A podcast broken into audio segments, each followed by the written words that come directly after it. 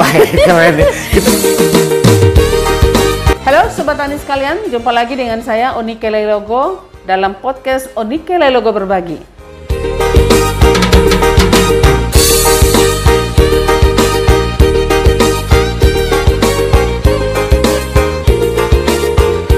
di, di, di pekarangan Ibu Debi ini dia seluas berapa Ibu Debi? Ah, kecil aja kecil, kecil, Ibu kecil. Berapa ya? Satu hektar ya? Iya, iya, Nah, satu hektar ini diisi oleh berbagai tanaman, berbagai apa lagi? Ada ikannya, ada ayam KUB-nya.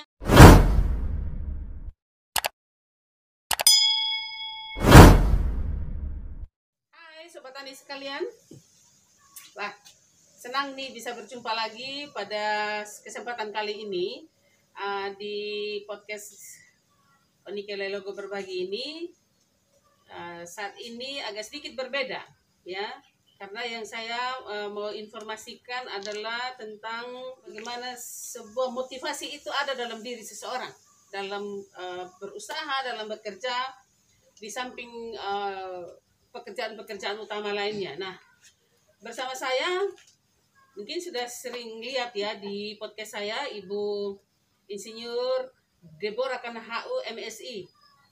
Selamat pagi Ibu Debi. Uh, senang nih Ibu Debi. Ibu Debi senang ya saya bisa berkunjung ke tempat Ibu. Ini sebetulnya ini lokasinya di rumahnya Ibu Debi. Uh, di rumah Ibu Debi dan kami berada sekarang di lokasi yang indah ini di atas kolam ikan. Jadi nanti kalau kita mau lihat kolamnya, sebetulnya ikannya ada banyak nih ya. Nah, apa yang ingin saya tonjolkan di sini bahwa bagaimana motivasi seseorang itu untuk berusaha, untuk bekerja. Uh, di samping kita bekerja utama kita ya. Nah, Ibu Debi ini adalah seorang peneliti. Peneliti di BPTP Balit Bangtan NTT. Beliau adalah peneliti media ya.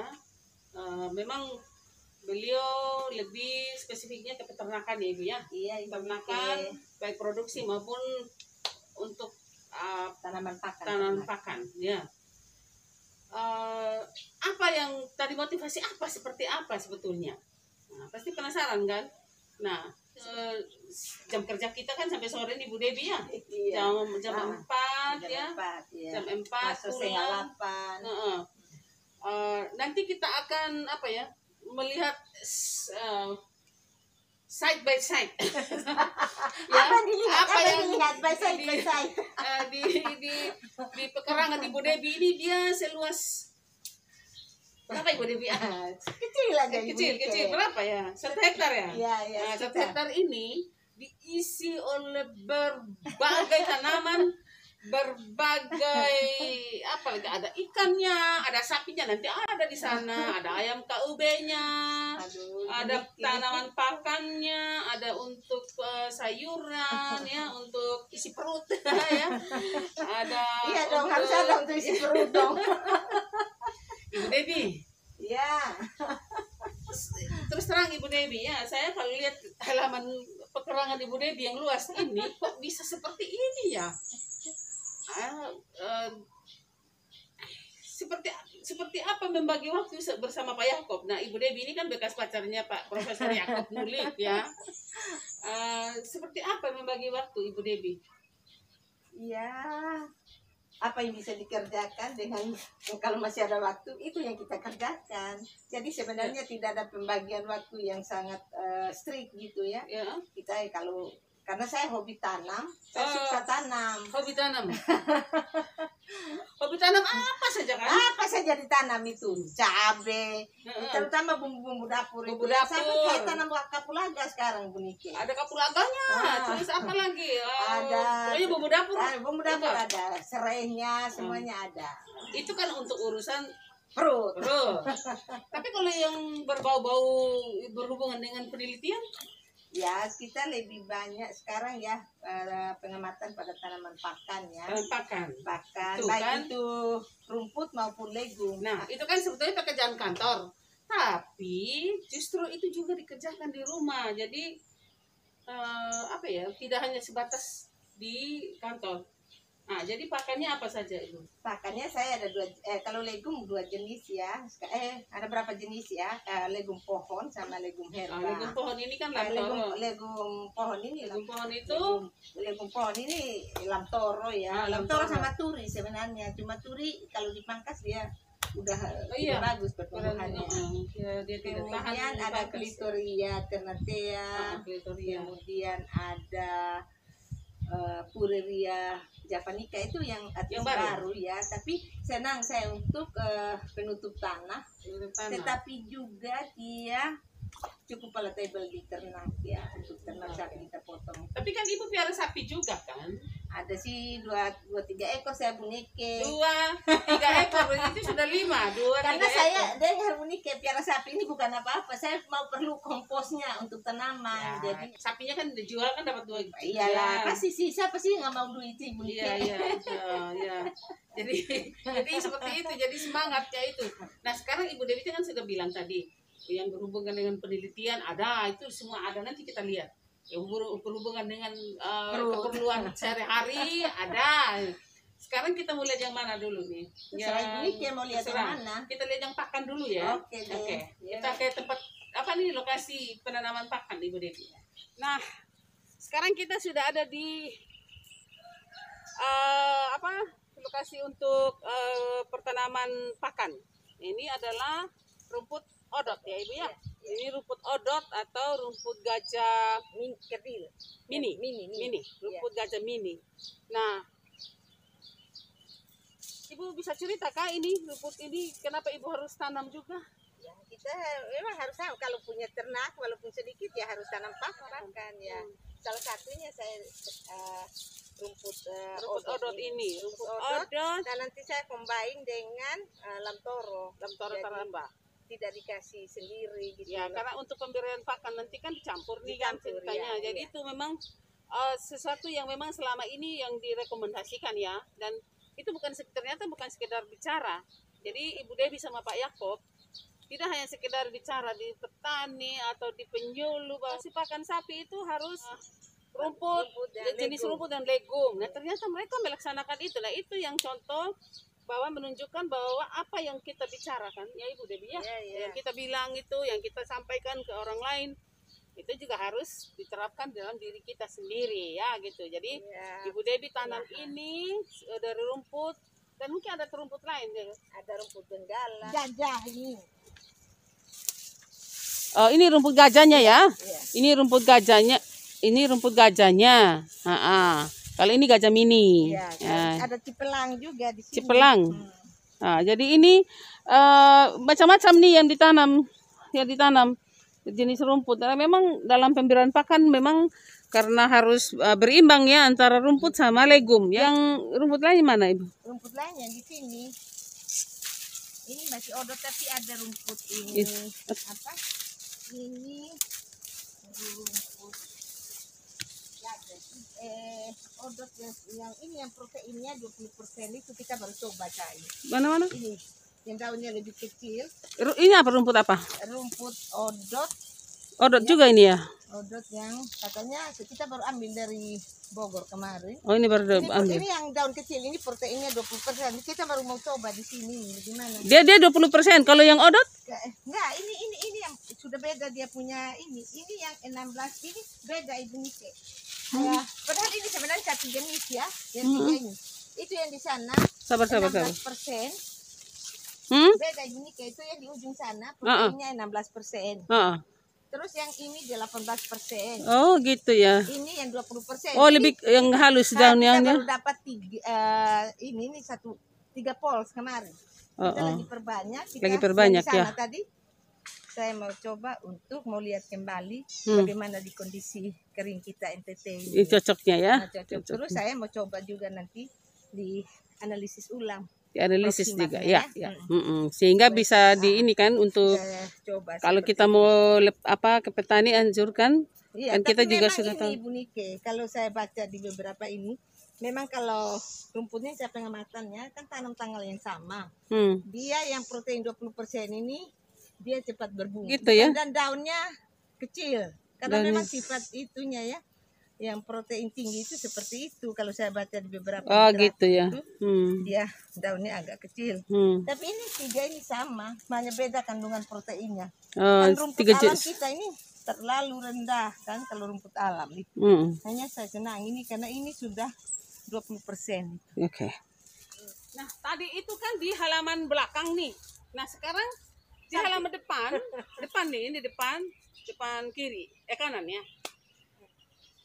Ini lamtoro. Ini yang legum pohon tadi yang kita sebut iya lamtoro karamba. Iya. Nah, berapa banyak ini, Bu?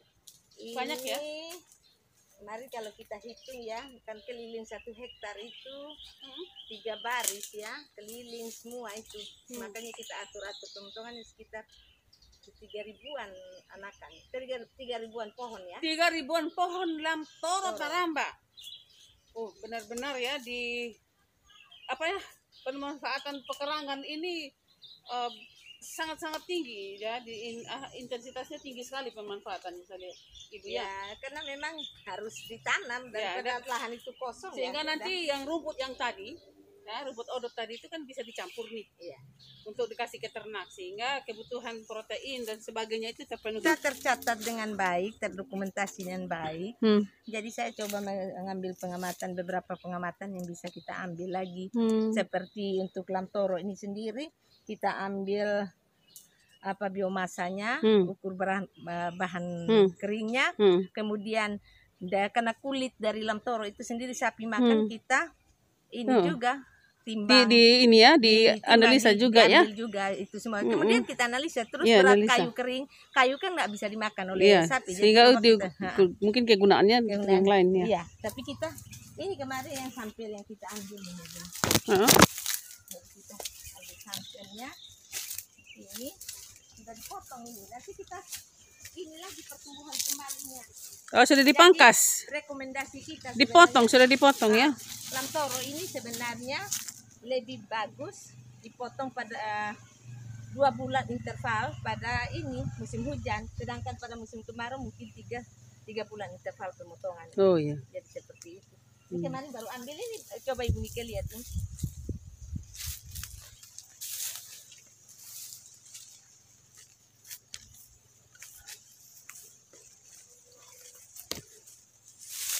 Ini saya tetap combine ibu Nike sama rumput di mana pun Ah, ini juga ada odot di sini. ya, semua Hmm. ini jadi enam toronya kita ukur itu yang sudah dipotong Iya, iya. Tadi kan sudah ambil. Hmm, Ini. Ini yang sudah dipotong. Jadi sudah diambil biar untuk dilihat biomasanya tadi ya. Ah, saya sampai saya ambil ini ada kulit berat dari kulit, kulit Satu dari satu pohon? Sendiri, ha, dari satu pohon. Ah, sampai ini semua kita ini Heeh, berat Kemudian- banyak kulit. Eh berapa banyak? berapa banyak kulitnya terus berat basahnya berapa, berat keringnya berapa. Karena Hmm. ini kulit kan dimakan oleh sapi. Iya. Kemudian kayunya juga supaya informasi-informasi itu kita bisa dapatkan dari Ah, kayu itu berapa. Kemudian dengan tiga baris atau empat baris keliling satu hektar itu berapa pohon dengan jarak sekian. Kita Mm-mm. seperti itu. Hmm. dicoba-coba di namanya saja eh, di Tapi kan ini lamtoro taramba ini kayaknya di sebelah sana juga ada ya. keliling semua satu Keliling. hektar sebagai Dengan ini cara penanaman ini eh, sama sama semua sama ya dengan Sama. ada berapa berapa baris ya. Iya, sama semua Oh, Tapi jadi ini- berarti ini lahan Ibu Debi ini penuh dengan tanaman pakan sobat Iya, tani. kemudian saya selalu Ah, lihat di samping itu semua ada pisang ada bambu Iya, ada tanaman lain. tanaman lain. Udah. Bambunya juga bambunya ada. karena Iya ya ya. itu Nih. Ya, inilah yang maksud saya Ibu Debi eh, motivasi, motivasi dan juga eh, apa ya? kita di pertanian lahan kering ini Bu Niki harus harus saya pikir model seperti ini jadi kita tidak Hmm. bisa kita integrasi Jadi kita semua. jadi tidak kita tidak perlu ke mana-mana untuk mencari pakan, so. Iya, saya paling ambil di sini disesuaikan dengan jumlah Ya, pakan, untuk- jumlah ternak yang kita pelihara ya. Iya. Kita sesuaikan saja gitu. Mm-mm. Jadi udah malas ambil dari luar juga waktu juga tidak ada. Hmm, Lebih baik ya manfaatkan di lahan Oke. sendiri Oke. pekarangan ya. Itu advokat ya. Untuk dataran rendah. Ada Sama ini? jenis. Ah, semua untuk dataran rendah. Karena kita naik bonat ini kan dataran rendah kan. Hmm. Kita harus pemilihan komunitasnya juga sesuai dengan kondisi Iya. agroekologinya Iya. ya. Hmm. Seperti itu. Hmm. Kalau klitoria di sana tapi dimakan ayam karena ayam paling suka. Oh, tapi masih ada. Masih bekas itu.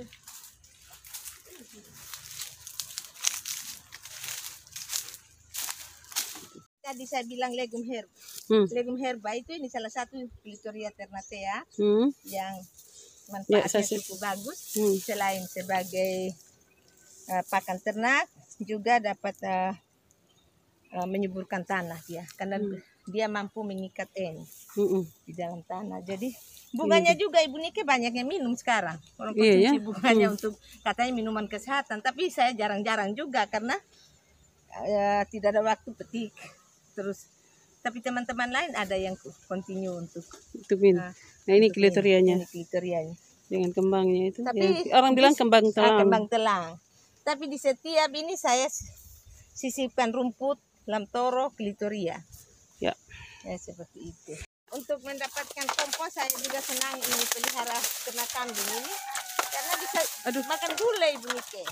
Kita senang kalau mau potong kita makan bikin gulai. Ya karena ada pak ada pakan. Ada pakan, Nah, toh. seperti Mm-mm. itu. Ah, sini. Ada berapa ekor? Tapi udah udah juga saya pernah jual sih. Ini ada berapa ekor ini? ada 15 atau 15 Hmm. ekor tapi saya PE semua? ya PE semua itu peranakan semua hanya peranakan etawa. iya pejantannya peranakan mainnya kambing lokal Betinanya. betinanya Oh, betina itu orang Kupang bilang mai. mai ini ya ini yang peranakan itu Oh iya. yang telinganya Yang telinganya. Oke. oke Jadi ini adalah lokasi ini kandang kandang, kandang sapinya sapi. Ibu Debi nih. Ha. Ini halo yang sisa ini ada berapa ekor sisa ini harusnya? sisa ini cuma tiga ekor karena ini Satu di mana? beranak di ini beranak di rumah sendiri Oh. itu ada di sana dia beranak sendiri Oh. jadi melahirkan di sini dia Oh. Jadi Ibu Debi dia sayang karena dia lahir di rumah Artinya lahir tidak- di sini kita benar-benar Taman Eden. Semua ada di sini.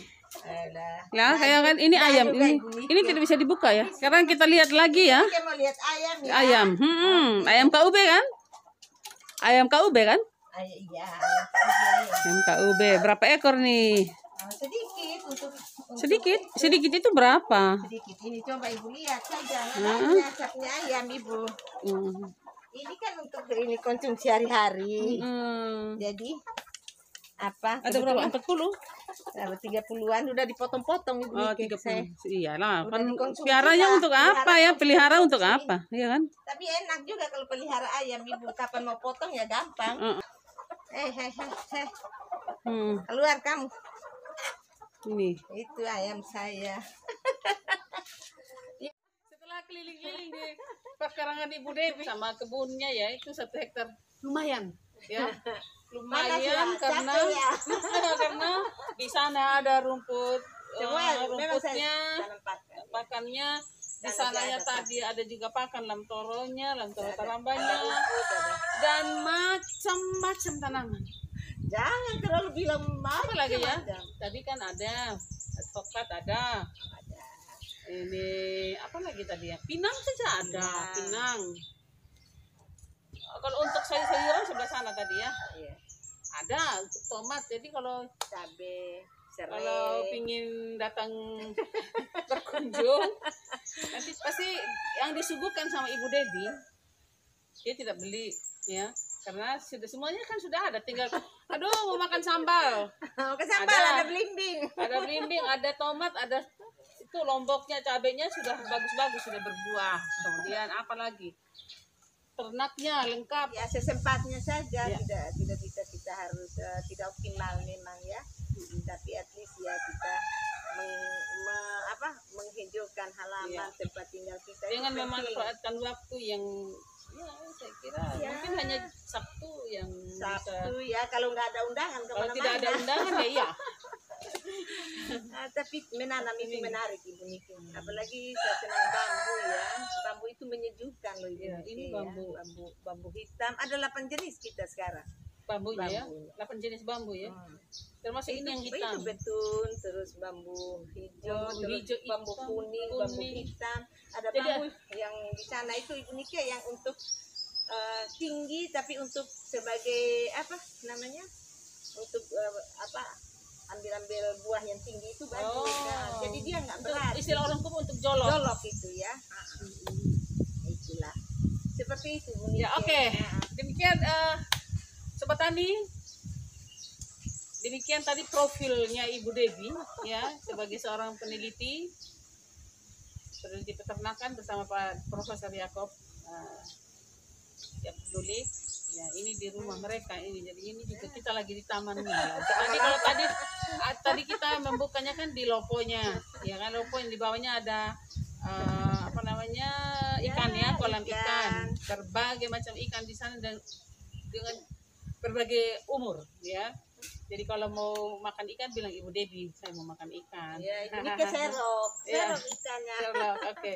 Terus eh, sekarang kita berada di taman belakangnya, di halaman belakang ini sengaja dibentuk lagi nih, dibuat lagi tempat duduk yang nyaman, yang orang tidak akan bisa Ambil. ambil ya, Karena karena ini ini sudah paten ya, paten. Oke. Jadi eh, itu itu yang dapat kami sampaikan sebagai ini eh, sebetulnya eh, podcast kali ini lebih menekankan kepada eh, bagaimana memotivasi ya.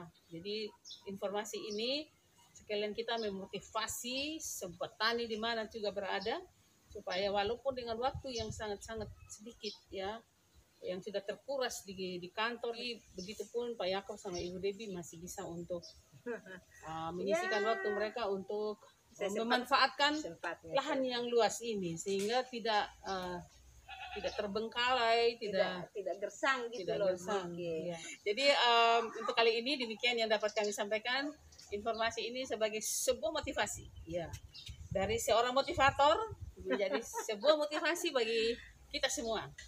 Ya. Sobat Tani sekalian dan saya juga.